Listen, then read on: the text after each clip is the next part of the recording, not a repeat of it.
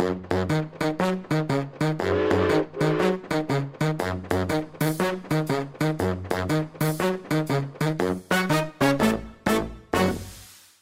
lyttere, velkommen til eh, nok en episode i podkasten Ekspedert, som vi sender her fra Narvik museum. I studio i dag har vi med oss han Trond Blomli, og jeg heter Jon Framnes. Og i dag skal vi eh, ta et tema som omhandler denne datoen i dag, 14. juni, men vi skal gå 50 år tilbake i tid. Nærmere bestemt 14. juni 1971. Velkommen til studio, Trond Blomli. Tusen takk, Jon. Eh, jeg kan jo eh, begynne med en liten eh, gåte, eller liten puslespill, eller en liten quiz.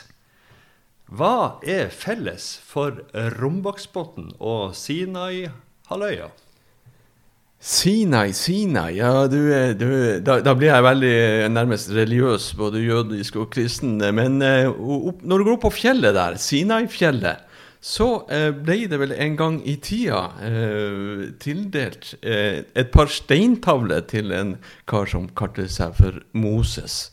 Og på de steintavlene der så sto det de ti bud. Kan det være i Rombaksbotn? Eh, ja, du kan jo spørre. Du er veldig inne på et spor der. Og eh, løsninga på gåten er jo det at eh, Sinai-halvøya hadde Moses. Mens i Rombaksbotn så finner vi sporene etter han Rolf Hellem. Og både Moses og han Rolf Hellem laga ti bud. Han, Rolf Hellem han eh, får eh, kreditt for å lage de ti oljebudene. Ja, og det, det er jo eh, ti bud som vi skal være stolte av. Som eh, vi må vel si at han var arkitekten bak de her ti budene, som skulle styre Norges forvaltning av denne vanvittige formuen som vi plutselig fikk midt i fanget ved at noen kom og bora et hold ute på kontinentalsokkelen, og opp det olje og gass i uhyrlige mengder. Ja, du Trond Blomli, som er, står her ganske blank og fin i kinnene et par år siden så gikk du av med AFP, da, en sånn avtaleordning der man kan slutte å jobbe noen år tidligere før pensjonsalderen. Er vel, du er til godt ut av denne pensjonskassa nå? Ja, og det kan jeg takke han Rolf for. Fordi at eh, et av de her eh, budene gikk jo ut på at eh, samfunnet, Norge som nasjon, skulle få mest mulig igjen av de verdiene som man lot utenlandske selskap bore opp av kontinentalsokkelen. Og eh, du har kanskje hørt om Statens pensjonsfond utlandet? Det har jo vært mye diskusjon om akkurat ledervervene i det der fondet i de siste, siste par årene. da. Og nå er det jo han Nicolai Tangen som sitter som sjef for de her 11 000 milliarder kroner som Norge har på bok. Eh, hvorvidt at han Tangen er, har sine aner i robakspotten, det vet jeg ikke. Men graver man langt nok, så kanskje man finner noen spor der også.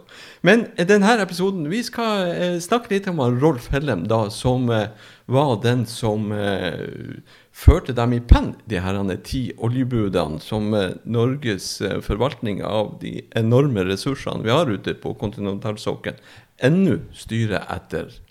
Han, Rolf han eh, sa i et intervju med Fremover for eh, noen år siden at eh, for å vite hvor du skal, så må du også vite hvor du kommer ifra. Veldig kloke ord, syns vi som jobber på museum. For vi jobber jo med å formidle nettopp hvor folk kommer ifra, og hva som er bakgrunn og historie for det ene og det andre. Og eh, da regner jeg med det at eh, vi tar eh, turen inn til Rombaksbotn. Da bør vi lage et litt sånn geografisk bilde for våre lyttere. Rombaksbotn er en fjordtarm som et seg innover fra Vesterfjorden, Ofotfjorden, Herjangsfjorden, Injana Rombaken og ender opp bare håper å si, noen meter fra den svenske riksgrensen. Ja, det er faktisk eh, Norge på sitt nest smaleste. Eh, Hellemobotn er jo da Norge på sitt smaleste, med seks kilometer i luftlinje opp til riksgrensen. Og Rombaksbotn har da åtte kilometer opp til riksgrensen i luftlinje. Men eh, det blir jo sagt og markedsført eh, for rallarveien at her kan du krysse Norge på tvers i løpet av én dag. Eh, kort vei, altså. Eh, tilblivelsen, skal vi gå så langt tilbake fra de geologiske Fra istiden, da? Ja, vi, jeg tror vi må gå helt tilbake til istida, fordi at da eh, har vi liksom eh, lerretet spent opp. Og eh, på slutten av istida så lå det jo en eh, gigantisk isbre der hvor vi i dag finner Østersjøen og eh, Botniska bukten, eller Botnvika. Der var isen på sitt tjukkeste. Og etter hvert som det begynte å tine, så kunne jo ikke vannet renne østover, fordi at da rant den jo rett imot brefronten. Så alt smeltevannet som denne enorme isen produserte etter hvert som klimaet ble varmere og varmere, det vannet måtte finne veien vestover mot de norske fjordene. Og i den grotteepisoden så ble det jo sagt at det var to plasser hvor eh, mesteparten av vannet fra denne innlandsisen fant veien ned mot Atlanterhavet. Og det var gjennom Tysfjorden og gjennom Ofotfjorden. Eller ned til Rombaksbotn og ned til Hellemobotn. Ja, altså to markante eh, vassdrag etter nedsmeltinga av isen for ca. 8000-10 000 år siden. Ja. Det ene går gjennom den kjente canyon i Hellemobotn, som er bare helt magisk å vandre gjennom, og den eh, andre da ned Rombaksbotn. Og vi har jo da betydelige canyon, da, som vi bruker som et eh, flott ord på de dalførene. Ja, Norddalen er jo en typisk canyon. Altså fra Norddalsbrua nedover til, eh, til Trangdalen, eller der hvor, eh, hvor Storfossen ligger eh, i Rombaksbotn. Som er Så eh, Rombaksbotn er jo i dag ubebygd, men eh, det er jo ei stor slette med store grusforekomster, furuskog, og der er jo mulig å finne seg et utbytte. Det, vi kjenner Rombaksbotn kanskje mest ifra den anleggstida da eh, Ofotbanen ble bygd eh, videre innover til Malmbanen på svensk side. da. Var det bosetning i Rombaksbotn før anleggstida? Ja, det var det. Det var to gårdsbruk. De lå på hver sin side av den gårdsbekken som de da hadde felles, og som er hvor det renner vann hele året, og hvor det ikke legger seg is, og som er iskald på sommeren. Så den er perfekt som en gårdsbekk. Der kan du sette melka til kjøling, og der kan du hente godt vann. Um, og han um, Hellem skriver jo i en artikkel i 1996 for uh, årboka til Lofoten museum at det har vært uh, bosetting i Rombaksbotn siden 1500-tallet. Så plassen blir omtalt allerede i de skattelistene fra 1500-tallet. Men eh, så kommer det og går folk med uår og, og, og andre forhold. Og frem til fra 1830 så, så kommer familien til, eh, til, mora til han Rolf inn til Rombaksbotn og eh, slår seg ned. Um, så hans besteforeldre er altså de siste kjente gårdbrukerne i Rombaksbotn. De fikk oppleve begge de her anleggsperiodene før de da eh, så hvor det, hvor det, her bar, og så kjøpte de seg et, en eiendom på Strømsnes, som de da flytta til i 1902 eller 1903, når anlegget ble lagt ned. Rombaksbotn har vært eh, plaga både med branner og ikke minst flommer opp gjennom tida. Siste flommen var vel i 59, 1959. Ja, og den eh, endra jo hele dalføret. Da kom det ned store vannmengder og vaska ut de her eh, moreneryggene og førte massevis. De sa jo det at det var så mye grus og trær som ble ført på fjorden, at eh, de fant eh, furutrær helt ut til Lødingen, og fjorden var grå av slam i mange uker etterpå. Ja. Eh, det står et, eh, et bygg i Rombaksbotn nå. Det er ført opp eh, av litt nyere dato. Kan du si noe om det? Ja, da kommer vi igjen inn på han Rolf. Fordi at han var jo ei ildsjel for Rombaksbotn, og er det fortsatt. Selv om han er blitt en gammel mann. Så på slutten av 90-tallet, begynnelsen av 2000-tallet, så ble det oppdaga da at eh, man hadde en, en grunnmur inne i, i eh, Rombaksbotn. Da ble det målt opp og satt navn på de forskjellige tuftene. Og så fant man denne tufta etter Paulsjåen, som da var en sånn ja, en eh, sjå for å oppbevare høy i. En sheltersjå, som den kalles. Og så viste det seg det at han Rolf hadde eh, originalen stående på sin eiendom på Strømsnes. Den var flytta ut fra Rombaksbotn i 1933. Og så ble den eh, satt opp på eiendommen til han eh, Rolf. Og der for da Ofot museum inn og så tok mål av denne eh, originale pølsjåen. Fikk bygd en kopi nede på eh, Lokstrand eller EF-lageret i Havnegata. Demonterte den, frakta den inn med sjompilten, satte den opp nøyaktig på murene til den gamle pølsjåen. Så der står altså en nøyaktig kopi av pølsjåen. Og han Paul han var da en onkel av mora til han eh, Rolf. Eh, Paul i Botten. Det sies han at han var en ordklok mann.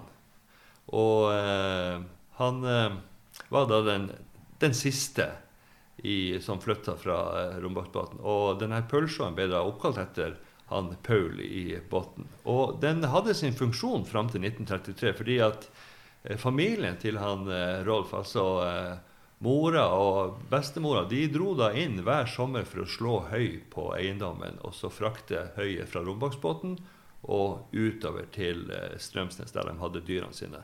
Og under en av de her ferdene så omkom faktisk onkelen til han Rolf, som heter Erling, som elleveåring. Han var med å hente høy, og de hadde tatt båten litt for langt opp i elva, slik at det ble for stri strøm når de skulle ut, og båten kvelva, og han Erling drukna. Det er jo dramatiske historier. Jeg kan leses om i eh, de omtalte årbøkene for uh, Ofoten. Som, Ja, den her som vi refererer fra, er da fra 1996. God lesing. Ja. Eh, de husene eh, altså Mye forsvant både under branner og, og flommer opp gjennom tida. Men eh, man kan finne igjen hus eh, bygd i, satt opp i Rombaksbotn litt rundt omkring i Ofoten. Ja, det viser seg det at en del av de her husene som var lafta, eh, de ble jo bare tatt eh, fra hverandre i biter, og så tatt med båt ut av Rombaksbotn og solgt. Og noen havna på Hergot, andre på Nygård. Vi finner faktisk Rombaksbotn-hus så langt av gårde som Skuttvik i Hamarøy. Vel. Ja, Der står det enda. Ja. Eh, vis-à-vis eh, Paulsjåen så er det også gjort noen utgravinger på tuftene ut av eh, et hus som sto der. Ja, det er altså våningshuset til familien Martinussen. Og han, eh, han Gabriel Nikolai Martinussen han gifta seg med ho, Abelone Berg Håvardsdatter. Og de to, som sagt, besteforeldrene til han Rolf, de siste gårdbrukerne i Rombaksbotn, de bodde i det her våningshuset som han Rolf nå på sine eldre dager tok initiativ til å få gravd fram murene til og få satt opp et skilt til minne om eh, de som drev bruk der inne, altså gårdbrukerne som var der både før og etter begge de her to anleggsperiodene, hvor det var anleggsby. Og Årsaken er at det var jo to bruk. Det ene bruket solgte all sin eiendom til staten, mens eh, besteforeldrene til han eh, Rolf de foretrakk å leie ut deler av sin eiendom, men beholdt grunneierrettighetene og har de rettighetene den dag i dag. Det huset som sto på uh, Tufta, som vi nå nettopp snakka om, eh, eksisterer det enda? Ja, det ble faktisk funnet borte på Skjomnes når de tok bort noe tapet eh, og kom inn på selve de her laftestokkene. Så sto det altså inngravert eh, navnet til han Paul, Paul Martinussen eh, på en av de her stokkene. Og eh, ved nærmere oppmåling og synfaring så fant han Rolf ut at det her huset er jo faktisk det huset som er vårt våningshus fra Rombaksbotn. Altså besteforeldrene sitt våningshus. Jeg må kjøpe det og få det satt opp sammen med pølsjåen på eiendommen på Strømsnes. Og det er gjort. Og det er ei eh, lita perle av et hus, har jeg skjønt nå. Ja, det er det. Så vi har, vi har eh, Rombaksbotn, eh, kan vi si, før anleggstida. Det var småbruk, gårdsbruk, der de drev på med Fjordfiske, Ikke sant? Eh, det som, eh, altså Tilstrekkelig med dyr til å kunne brødfø dem med det som fantes av, av slåttemark. Selvfølgelig geiter som er altetende, som kan trekke opp til, til fjells. Og sauer også. Jeg kom over noen dokumenter i forhold til eh, kjøp og salg av eiendom av at en, en viss eh, person med navnet William O. Spear har kjøpt eh, seg inn i eh, eiendommer der med en åttendedel, om jeg ikke tar feil. Eh, han har vi hørt en del om, og han hadde jo sikkert eh, noen hensikter med å kjøpe seg inn gjennom sitt eh, selskap Arctandria, tror jeg det heter. Ja, altså Det var under den første anleggsperioden, når det engelske kapitalet skulle inn og bygge en engelsk bane fra gruven som, i Gjellivare, som da var på engelske hender, og frakte ned til Narvik.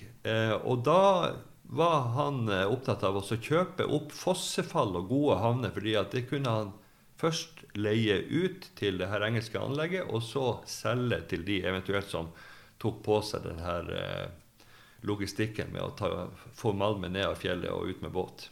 Så han fikk da seg en fot innafor på eh, eiendom i Rombaksbotn. Og når du snakker om den engelske anleggsperioden, når de, sier vi at den er? Den er fra 1883 til 1889. Det vil si at det begynte nok ikke noe aktivitet inne i Rombaksbotn før 1884-1885. Eh, Men blant annet så satte han Speer opp et kjempesvært bakeri nede med kaia på eiendommen til han eh, Gabriel Martinussen.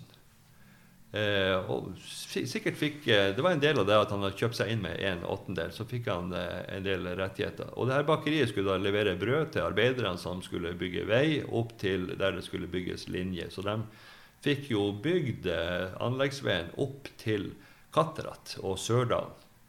Og hadde jo begynt å sprenge tunneler og begynt å bygge den Sørdalsfyllinga og med videre.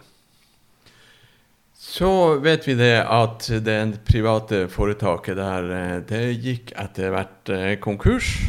Ja, Så kom det ti år hvor det ikke skjedde noe som helst. Ingen verdens ting. Så starter anleggsperioden opp igjen da på slutten av 1890-tallet. Ja, og da er vi jo, da er den norske staten som går inn, og da skal det liksom være orden på alt. Og de overtar jo en del av bygningen i denne anleggsbyen inne i Rombaksbotn. Eh, og så bygger de ut mer, slik at det blir på andre, altså på, på andre sida av gårdsbekken i forhold til der hvor eh, ekteparet Martinussen bor, så vokste det jo opp en liten anleggsby med hovedgate og hus på begge sider. og de som har lyst til å se denne anleggsbyen med alle sine bygninger og biljardhall og hotell og diverse, diverse, de kan jo ta en tur ned på Narvik stasjon og så se den flotte modellen som han Per Henrik Mørk har bygd, og som står utstilt der. Det var vel bortimot 500 mennesker som bodde i Rombaksbotn og hadde sin geskjefte der på et eller annet vis. Og noen og 80 hus. Ja, og eh, vi antar jo at gårdbruk, eh, gårdbrukerne der, eh, altså ekteparet Martinussen og anlegget gikk ganske godt overens. Så kommer vi til eh, 1902. Anleggsperioden er over, og de servicefasilitetene som Robaksbotn kunne levere under anleggstida, var det ikke behov for. Og eh, det skjer en del sånn naturkatastrofer, om man skal kalle det for det, både med brann og de flommene, og folk flytter ut ifra Rombaksbotn. Ja, vi ser det at han eh, Gabriel Martinussen i 1895, altså før det norske anlegget kommer inn, så kjøper han en eiendom på Strømsnes. Kanskje med at han har fått eh, et eh, oppgjør for denne eiendommen som han har delt med han William Speer. Han William Speer har betalt kontant. Og at han dermed plutselig er i stand til å kunne gjøre noen strategiske valg. fordi at de ser jo det at Rombaksbotn er jo ikke den aller beste plassen. altså Den har sine begrensninger. Det er eh, østavind på vinteren, det er langt til Lofoten, og det er langt til folk. Og, og det er begrensa med, med gressproduksjon. Så derfor er det at han eh, tenker som så at eh, på sikt så skal vi flytte til Strømsnes. Det er ei bedre bygd.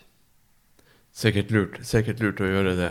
Eh, vi gjør noen hopp i tida, bare for å ta noen sånn merkedager i Rombaksbotn. Men eh, vi, det, det, Første verdenskrig den går rimelig stilt eh, for seg her. Men så har vi da andre verdenskrig. 13. april er, er etterdønningene av eh, de store kamphandlingene i Narvik, Ja, det er sjøslaget. det, det vi kaller det tredje sjøslaget. Det første sjøslaget er jo når de tyske skipene senker Norge og Eidsvoll. Eh, og det andre sjøslaget er når eh, engelske båter kommer inn den eh, 10. april, og da senker en del av de tyske krigsskipene og skader noen andre. Og det tredje sjøslaget, altså den 13. april, da kommer da ei stor engelsk eh, skipsstyrke, eller slag, eh, slagskip med destroyere, inn og da, skal da gjøre kål på de siste restene av de tyske invasjonsskipene. Og tre av de her, eller egentlig fire, rømmer innover eh, rombakken. For de har jo lite med drivstoff og lite med ammunisjon igjen. Så du tenker som så det at her gjelder det å stikke seg unna.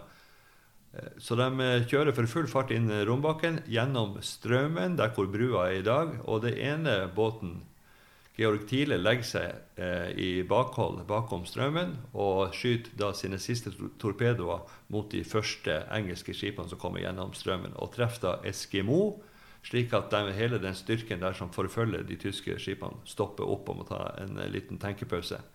Og det gir da tid til de tre andre eh, eh, tyske skipene til å fære helt inn til romfartsbåten, kjøre båtene opp på sanda der, sprenge hold i bunnen og ødelegge det som er av våpen om bord, og ta med seg skipspapirene og komme seg i land og gå opp til Katrat. De vrakene kan du se i- den dag i dag. Hvis du er dykker, kan du se dem. De ligger under eh, havflata, men eh, i eh, og du kan se skyggen av dem når du passerer med togene oppe på, på Middagselv og ser rett ned på sjøen. Så ser du noen eh, skygger i, i vannet der, og det er jo de her tre skipene. De, eh, vi har jo masse bilder før baugen ble tatt av dem, og før de sank lenger ned i sanden. Så har vi jo flere bilder hvor alle sammen er synlige over flomålet. Vi eh, snakker om han Rolf Hellem eh, som en eh, betydelig og markant person for eh, å bygge velferdsnasjonen Norge. Eh, har sine aner i Rombaksbotn, flytta til Strømsnes og har vært politisk aktiv hele sitt liv.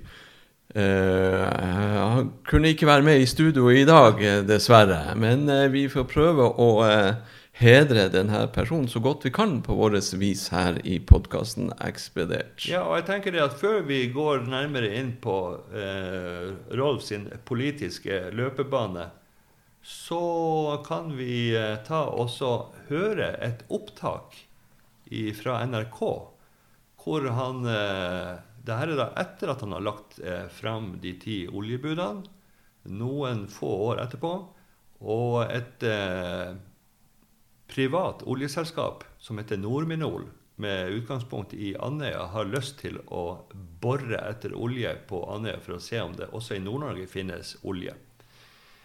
Eh, De hadde jo ikke råd til å bygge seg en svær eh, rigg som kunne ligge ute i havet, men det å få en rigg til å bore på land var mindre kostbart. Og han eh, Rolf, som saksordfører for eh, oljerelaterte ting i industrikomiteen, han blir da invitert oppover for å klippe snora og trykke på knappen for å starte den første oljeboringa i Nord-Norge.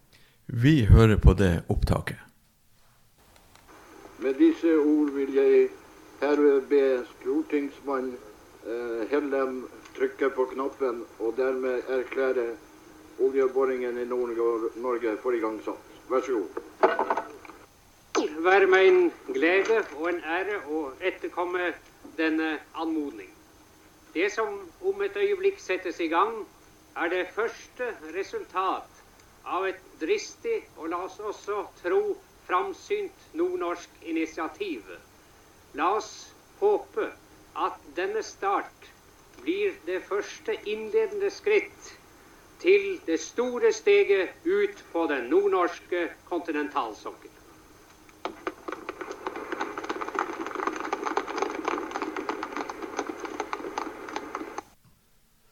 Ja, der hørte vi eh, et eh, klipp, et historisk klipp fra NRK, fra eh, igangsetting av den første leteboringa på Andøya, vår Andøya. eh, rett utafor Vesterålen. Og han, eh, Rolf han virker jo til å være optimistisk på vegne av nordnorsk oljeindustri. Men etter hvert så viser det seg jo det at eh, det eneste de her eh, nordnorske oljeselskapene var enige om, det var at de ikke skulle samarbeide. Koste hva det koste ville. Og det ble på en måte det som hindra alle sammen fra å skape kapital og kompetanse til å kunne leite ute på kontinentalsokkelen, fordi at der kunne du investere 50 millioner i det som kunne vise seg å være et tørt hull. Og ingen nordpå hadde de økonomiske musklene til å gjøre det der. Men det er klart at han, han, eh, Rolf hadde jo grunn til å være optimistisk fordi at han, han var nordlending. Han hadde satt seg inn i eh, hva olje kunne bety for, for et land og en landsdel. Og han håpa jo i det lengste at at eh, hvis man åpna for oljeleting utenfor Nord-Norge, så skulle det føre til en vekst i antall arbeidsplasser og industri knytta til eh, oljeutvinninga på land i Nord-Norge. Enn så lenge så eh, ser man jo det at Sandnessjøen har klart å bygge seg opp som en oljebase. Men eh, den eh, satsinga som var i Harstad, hvor alle oljeselskapene slo seg til, den har vel mer eller mindre forsvunnet. Og så har du da eh, Melkøya utenfor Hammerfest, hvor Statoil nærmest ble tvunget til å bygge et eh, raffineri for den gassen som, som de fant ute i Barentshavet. Så oljeselskapene de har på en måte stritta imot det å bruke penger på land i Nord-Norge. Men det var ikke det som var intensjonen i de ti oljebudene. De ti oljebudene. Eh, jeg registrerte tidligere i vår at eh, Bjørnar Moxnes, representant fra Rødt på eh, tinget, ønska å markere de her ti oljebudene. Han tar frem akkurat de ti budene som at de har hatt en stor betydning for utviklinga og vekst av nasjonen Norge. Ja, det er jo veldig prisverdig at han har eh, levert det her representantforslaget og på en måte satt nytt fokus på de ti oljebudene. Fordi at som han eh, Gunnar Bergen, senere finansminister og, og ivrig eh, assosiert med, med Norsk oljemuseum i Stavanger, har sagt at at de ti oljebudene som han, eh, Rolf Hellem skrev, de står seg godt den dag i dag, selv om Stortinget i sin politikk har bevega seg bort fra en del av de budene. Så det er nærmest på høy tid at man får slått opp ei tavle med de ti budene på i nærheten av sentrale politikere, slik at det kan eh, komme refleksjon og debatt rundt eh, de ti oljebudene. Fordi at en gang i tida nærmere bestemt 14.6.1971, så bestemte Stortinget at det her er de budene vi skal styre etter. De, eh, Rolf Mellem, da, som medlem i den industrikomiteen eh, da på, på, på denne tida, eh, satt eh, der, der, Finn Lied var eh, industriminister i en kort periode som eh, Arbeiderpartiet eh, overtok makta, regjeringsposisjon. Han, eh, han, fikk da oppdraget eh, om å eh, utvikle Norges eh, holdninger i forhold til de ressursene som vi hadde på kontinentalsokkelen ute i havet. Eh, ressurser som vi visste lite konsekvenser ut av. han, måtte, han visste ingenting om hvordan man forvalter oljeressurser. og han måtte dra litt ut i verden for å søke informasjon og kunnskap eh, om hvordan dette kunne gjøres. Ja, han, eh, Rolf han sier jo det i senere intervjuer, at han eh, allerede i 1945 ble politisk aktiv. I, og i Arbeiderpartiet. Han følte seg hjemme der og, og følte at han, han var en sosialdemokrat. Og det var der han skulle gjøre sin innsats. Og så ser vi jo det at allerede i 1959 så kommer han inn på Stortinget som første vararepresentant fra Nordland. Og sitter der fra 1959 til, til 1961.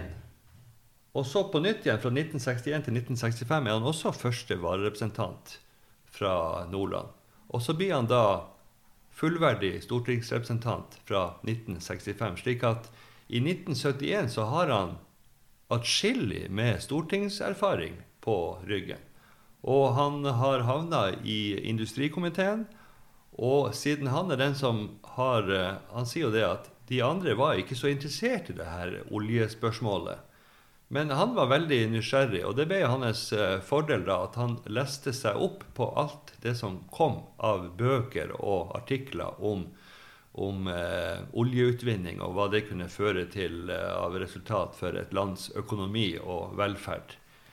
Så eh, når de skulle lage eh, ei melding til Stortinget, industrikomiteen, eh, igangsatt av eh, regjeringa, så, så eh, ble han saksordfører fordi at han var den som på en måte hadde satt seg mest inn i eh, oljespørsmål.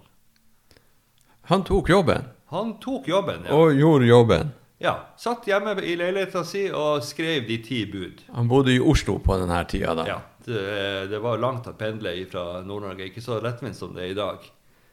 Nei. Så eh, når du, når du blir valgt inn fra Nordland, Troms eller Finnmark, så betydde det at du måtte bo på hybel i Oslo. Ekofisk var det første feltet som ble åpna, og eh, det ble tidlig kartlagt at det var enorme olje- og gassressurser i, eh, i det her feltet. Og de private oljeselskapene eh, hadde vært og leita og sto gjerne i kø for å eh, kunne få eh, dra til seg de her oljene. Og på de reisene de foretok, eh, kanskje spesielt i Alaska, Canada, statene, eh, så vel eh, hvordan den, de ressursene ble forvalta og fordelt. Ja, eh, som han sier, han eh, Rolf. Eh, vi, eh, vi var jo helt ferske i det her. Vi hadde ingen erfaring. Men vi hadde fordelen av at vi kunne se på hvilken erfaring de andre landene hadde som hadde hatt det her eh, oljerelaterte problemstillinger nærmest noen plasser i 100 år. Vi kunne lære av deres feil. Og dermed kunne gjøre det mest mulig riktig for eh, da den kommende oljenasjonen Norge. Og du, som du sier, Philips fant jo det her Ekofisk-feltet. Og eh, 1969 ble det oppdaga at her var det kanskje tre milliarder fat med olje. Altså nok en ufattelig eh, ressurs. Det var det største oljefunnet som var funnet ute på havbunnen noensinne noen plass i verden. Og det fant man altså bare eh, rett utafor norskekysten, rett utafor eh, Stavanger. Og det var altså den fantastiske starten. Men eh, tilbake til han Rolf. De lot seg ikke stresse av, av det her. De hadde tid til å ta kloke beslutninger på vegne av eh, fellesskapet. Det er klart at eh, Utenlandske selskap sto jo i kø for å klore til seg de feiteste beina til den laveste prisen. Det, det vil jeg tro. Jeg, jeg, jeg ser bare på de her andre budene. Vi skal ikke lese opp alle budene ett for ett her. Altså. Men, men det, det, det, er ganske sånn gjennomsyre at det skal være nasjonal styring. Det skal tas hensyn til miljø. Det skal, tas, eh, det skal bygges opp nasjonale eh, kompetanse gjennom selskap som skal både utvikle og, og utvinne den olja. Det er liksom, og at, at ressursene skal tilfalle Norge. Mm. Ja, det er på en måte han som skriver at vi må få et Statoil. Og Statoil Som vi ikke har lenger. Nei, det, vi har ikke lenger. Nå er det Equinor, men eh, det er jo et eh, Kan de si at de har 20 000 ansatte? Det er ganske mange arbeidsplasser. Så eh, noe av de her eh, innholdet i budene har åpenbart fått godt gjennomslag. Og vi tar det i dag som selvfølgeligheter. Både at vi har et oljefond, at vi har et statlig oljeselskap, og at vi har streng kontroll med hvem som, og betingelser med hvem som får lov til å bore etter olje og gass utenfor norskekysten. Ja, det, er, det ganske fenomenalt. Eh, da, eh, altså, her sitter man og, og, og spekulerer ut eh, noen regler for hvordan man skal håndtere ting som man egentlig ikke vet så veldig mye om. Ja. Og da må jeg bare gå tilbake til det første sitatet her i denne sendinga. Altså, for å vite hvor du skal, så må du vite hvor du kommer ifra. Eh, de er fra Rombaksbotn. Ja. Um, vi har også eh, kanskje Han hadde jo en slektning som var kjent som en ordklok mann, nemlig han Paul i Botten. Ok, kanskje det er der han har det ifra. ja, veldig bra. Vi har, vi har kanskje utviklinga av Norge som oljenasjon. Eh, ser jo bare det, det, det her oljefondet som vi kaller det for oljefond utland, som, som du er begynt å forsyne deg ut av. Vi har jo en annen ofoting der som eh, var med da å opprette det her oljefondet i 1990, han Hermod Skåndal. Ja, og eh, han må vi nesten lage et eget program om eh, senere. for nå skal vi tilbake igjen til han Rolf, fordi at vi har et nytt klipp som, som NRK har laga. Det er han Leif Erik Michaelsen fra Tysfjord som har intervjua han Rolf og, og, flere andre og i et program som han kaller for Olje og fisk. Det kryr ut av kloke hoder i denne fjorden her. Vi hører på det.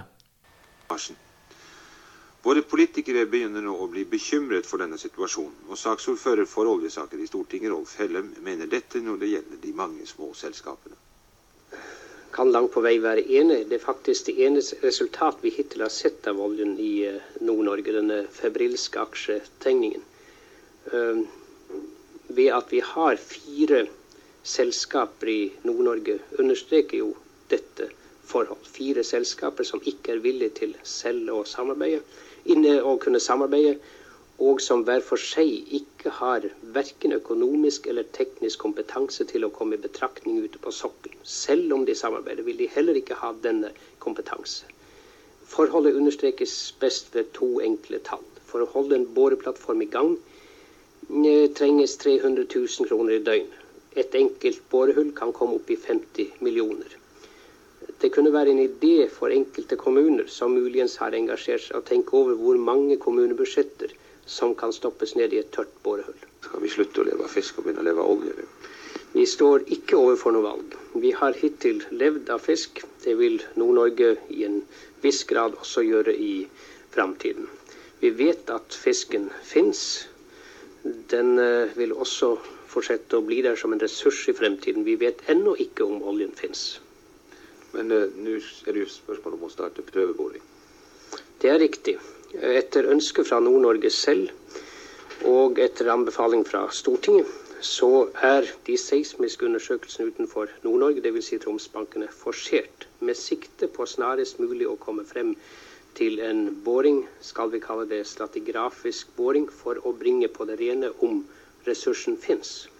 Men i det øyeblikk hvis man finner olje, så er det vel ikke politisk eller økonomisk mulig å si at ok, nå har vi funnet olje, så skal vi la henne ligge inntil vi finner ut hvordan vi skal bruke den. Det er riktig. Det, for det enkelte borehull så er det riktig at det ikke kan stanses. Men uh, gjør man først et funn, da kan man etter hvert gjøre seg opp en mening hvilke ressurser det kan tales om. Har vi teknisk viten og kun nok til å sette i gang med slike forsøk oppe på de største fiskebankene som vi har oppe i Nord-Norge. Til det vil jeg gjerne si at Norge har vel verdens strengeste sikkerhetsbestemmelser når det gjelder uh, boring til sjøs og når det gjelder oljeledninger. Men det vil jo i seg selv ikke forhindre en ulykke. Den kan man ikke garantere 100% mot, like lite som man kan garantere 100% mot en orkan, f.eks. For, for det første, hvor lang eh, tid tar det for å tømme et slikt, eh, slikt borehull olje med, som man finner olje i? Det som er kjent hittil i dag, med den teknikk som kjennes per i dag, så kan det vel dreie seg om 20-30 år. Men da skal vi være oppmerksom på at f.eks. Uh, eh, oljefunnet i uh, Nordsjøen regner man med i dag at man bare kan utvinne ca. 25% men hvis man i en fremtid kan fordoble dette, tredoble dette, så blir jo varigheten mye lengre. Eh, amerikanerne har vært uh, inne i bildet her. De jo, har jo en teknikk og en kjennskap til dette langt større enn den vi har, kanskje. Og uh, nå har vi strenge sikkerhetsregler, men allikevel har det altså skjedd slike ulykker som Santa Barbara og meksikanske Gulfen. Eh, kan det skje hos oss også? det vil ikke på noen måte benekte at en ulykke kan skje. Men jeg vil igjen understreke at så langt uh, sikkerhetsbestemmelsene etterleves, og det må de for det meget streng kontroll, da skal det noe til før at det skjer en ulykke. Den vil da skje hvis man overtrår sikkerhetsbestemmelsene. Helen, hvis nå barnebarnet kommer og spør han bestefar om eh, kan vi la dette her eh, ligge i så og så mange år, slik at jeg kan få lov til å la mine barn bestemme over hvordan vi skal utnytte disse ressursene. Hva, hva svarer du da? Eh, For det første så tør jeg ikke svare på det, for vi vet nemlig ikke så langt det gjelder Nord-Norge om der ligger noe i det hele tatt. Dette må vi først bringe rede på om, om ressursen fins. Dernest så må vi eh, vurdere tempoet, og det må nøye avpasses etter eh, arbeidssituasjonen og etter norsk industris mulighet til å følge med i denne utviklingen. Men fremfor alt må vi ha en politisk styring over utviklingen ikke minst i Nord-Norge, for her tangerer vi også et sikkerhetspolitisk problem. Derfor, ikke minst derfor, må vi ha en styring, og det viktigste styringsinstrument vil være eh, det norske statsoljeselskap, som jeg tror vil spille hovedrollen i Nord-Norge. De eh, opptakene som eh, dere hører på her, det er NRK-opptak som, eh, kan, som finnes på Nasjonalbiblioteket. Så er folk interessert i å høre hele opptakene, så er det bare å finne veien inn til Nasjonalbiblioteket sine digitale samlinger. Og der kan man søke på Rolf Hellem. Ikke sant. Du, I de her eh, ti oljebudene så blar jeg meg nedover til det niende bud. Der eh, står eh, noe om den legendariske 62. breddegrad, som jeg husker at folk gikk med pins på. At det skulle ikke være noe oljeboring nord for den 62. breddegrad. Ja, og for folk som lurer på hvor det er hen, så er det altså rett ut av Stad. Så eh, seks- den 62. breddegraden skiller da kysten sør for Stad og kysten nord for Stad. Og det meste av den norske kysten ligger nord for Stad. Den er lang, og det er nok olje der oppe også. Eh, I de, det niende budet her så er det særlige samfunnspolitiske forhold som knytter seg til landsdelene, eh, ber i de rådene her om at man skal ta hensyn til. Ja, og her er vi tilbake til hans leveregel, nemlig for å vite hvor du skal, så må du vite hvor du kommer fra. Vi kom den igjen, ja. Ja, og han er nordlending og fra landsdelen, og han tenker som så at hvordan kan vi lage en oljepolitikk som i best mulig grad kommer landsdelen til nytte? Altså skape arbeidsplasser og rikdom på land. ja. Eh, han, vi, vi skal høre et, eh, et, et lite klipp av et opptak eh, litt senere. Men eh, det ble eh, etter hvert mye olje han Rolf Hellem eh, engasjerte seg i. Ja, faktisk. Var jo, da jobba jo som stasjonsbetjent på NSB på Ofotbanen. Ja, han begynte som, han begynte som togtelegrafist. Og satt noen år oppe på Katrat og stirra inn i fjellveggen der. For det er det eneste du ser når du ser ut fra telegrafistrommet på Katrat. Så ser du rett over sporene og rett inn i skjæringa. Der eh, satt han, og så eh, fikk han eh, senere jobb som togekspeditør nede i Narvik. Og da er det vi nærmer oss en veldig spennende, eh, dramatisk historie på Ofotbanen. Nemlig et runaway train. Ja, vi hopper litt der. Det skjedde noe på slutten av 60-tallet med en motorvogn, persontog, som eh, var på vei nedover. Ja, det var et, eh, ei motorvogn som hadde som eh, jobb på morgenen å samle opp skoleungene fra Bjørnfjell og Katterat og Rombak og Strømsnes og frakte dem ned til byen så de kunne gå på skolen. Og så skjedde det at uh, han hadde hatt litt trøbbel med bremsene. Syns ikke at bremsene virka ordentlig når han kom inn til Katrat. Men Katrat ligger i en liten motbakke når du kommer ovenfra, slik at du mister farta naturlig for å kjøre opp til Katrat. Og så begynner det virkelig å helle utfor derifra og ned mot byen. Men han sjekka bremsen på, eh, på Katrat fordi han eh, hadde behov for det. Og så Det så ut som om alt var i orden som det skulle være. Men så, lenger ned mot eh, byen, så eh, slutter bremsen å virke fullstendig. Det har lagt seg is på klossene, slik at uansett hvor mye han eh, trykker på bremsen, så er det altså ikke noe Og motorvogna øker farta for hver 100 meter nedover. Det er jo ei sammenhengende skråning ned mot byen. Men heldigvis, på, Katra, på eh, Narvik stasjon sitter han Rolf Hellem som togekspeditør, og de får varsel om at det kommer ei motorvogn i veldig stor fart, og at den eh, åpenbart ikke har bremse. Og da er det at han eh, er rådsnar og klarer å pense denne motorvogna inn på et spor nede på bolaget som ikke er brøyta, slik at all denne ubrøyta sneen fungerer da som en kollisjonspute og demper farta på motorvognen, slik at den til slutt stopper helt opp uten å ha kollidert med noen andre vogner på, på banen. Dagens helt. Absolutt dagens helt. Men eh, han hadde noen ytringer der også om NSB sitt eh, persontogmateriell. Ja, fortell. Eh, noe kritisk til hvorfor skulle eh, da Ofotbanen ha det dårligste og tilnærma utrangerte materiellet til personbefordring her. Og det likte da ikke direksjonen i NSB. Derfor fikk han ikke noen medalje for sin redningsdåd. Den kullklokka som eh, ble laga for denne heltedåden, den, jeg vet ikke hvor hun er men det ble ikke helt sånn som det var tenkt. Fordi at han kom med et kritisk synspunkt på at den mest lønnsomme strekninga, jernbanestrekninga i Norge skulle bli avsett med det dårligste persontrafikkmateriellet. Han hadde et godt poeng. Han har uh, stadig gode poenger. Skal vi ta en, en liten uh, Altså, i den, uh, det, det oljeeventyret som vært igjennom, som han var med oss og spikra kursen på Han var engasjert i norsk olje og kanskje nordnorsk oljepolitikk ja, videre. Nettopp fordi at han var nordlending og satte landsdelens velferd veldig høyt. Og han, han ramla nærmest innom eh, olja som eh, tema i, gjennom sitt eh, verv i industrikomiteen på Stortinget før 1971.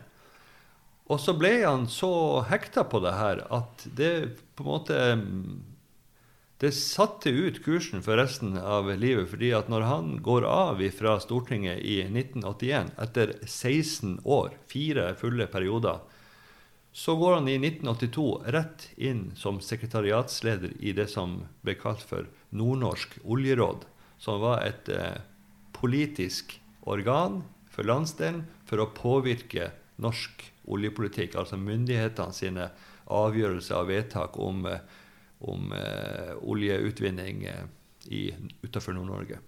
Kan vi høre på et lite klipp i det her fra samme NRK?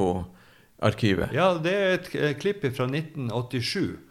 Og der blir han da eh, spurt om eh, hvor befinner vi oss nå i, i oljealderen i Nord-Norge.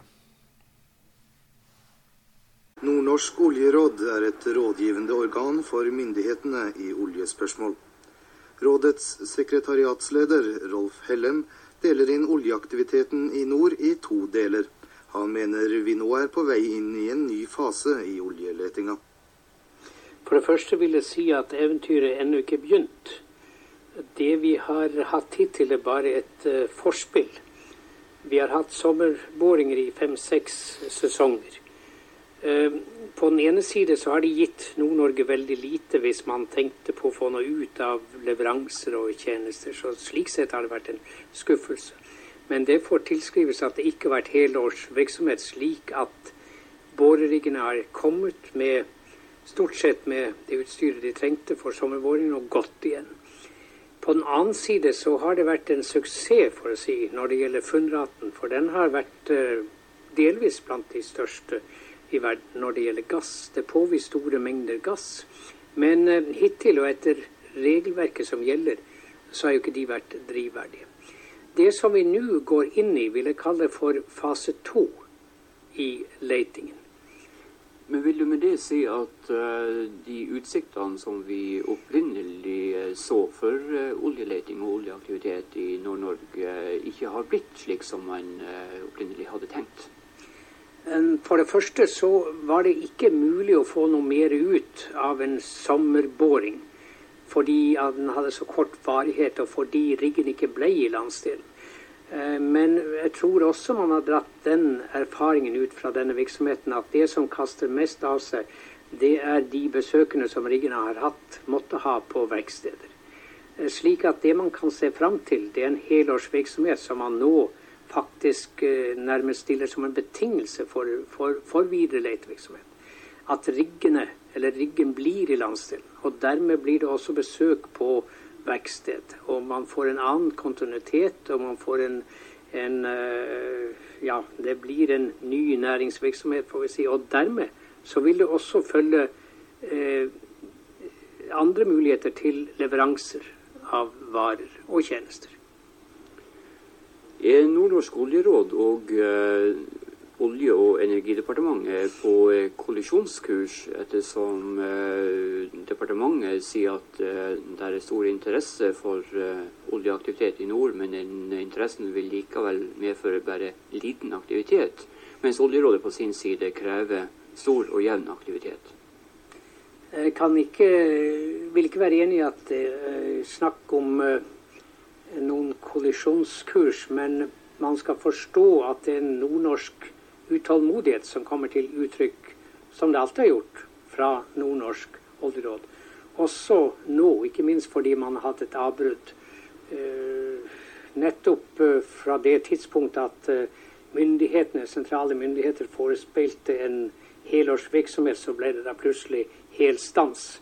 Men det er å gå tilbake i tid, så nå bør vi se fremover på det nye, interessante områder. Og når jeg sier til interessante områder, så får man holde seg til den store interessen som er vist fra selskapenes side for det nye området. Og det syns jeg er veldig oppløftende.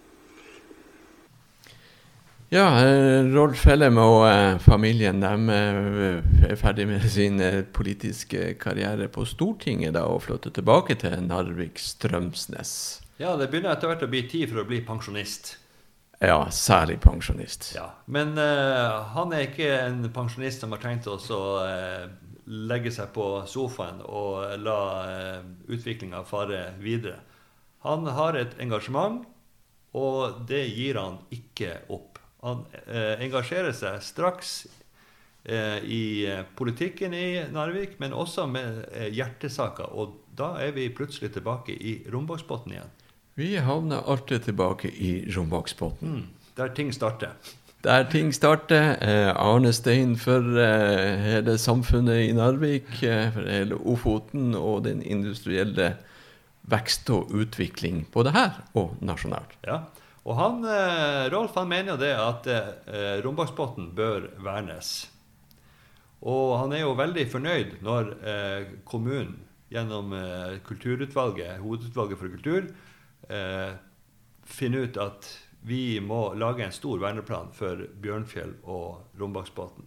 Som da blir vedtatt i kommunestyret. Og det er faktisk det største området i Norge som er kommunalt vedtatt mot utbygging. Alle andre blir regulert for utbygging. Dette er det første og største området som en norsk kommune har avsatt mot utbygging. Vi er kommet så nå langt uh, at uh, vi skal takke alle lytterne for at dere ville høre på uh, denne episoden, som omhandler Rolf Hellem og stortingsmelding 76 i 1971, 14.6. Hjertelig takk for at du kunne føre oss gjennom denne historien, Trond Blomli. Ja, Vi må jo bare gjenta en gang til at vi to og mange flere er veldig stolt over han eh, Rolf Helle og det han har gjort for oss. Det skal være sikkert og visst. Jeg heter Jon Framnes, og jeg takker for uh, deres oppmerksomhet i denne episoden. Adjø. Og takk.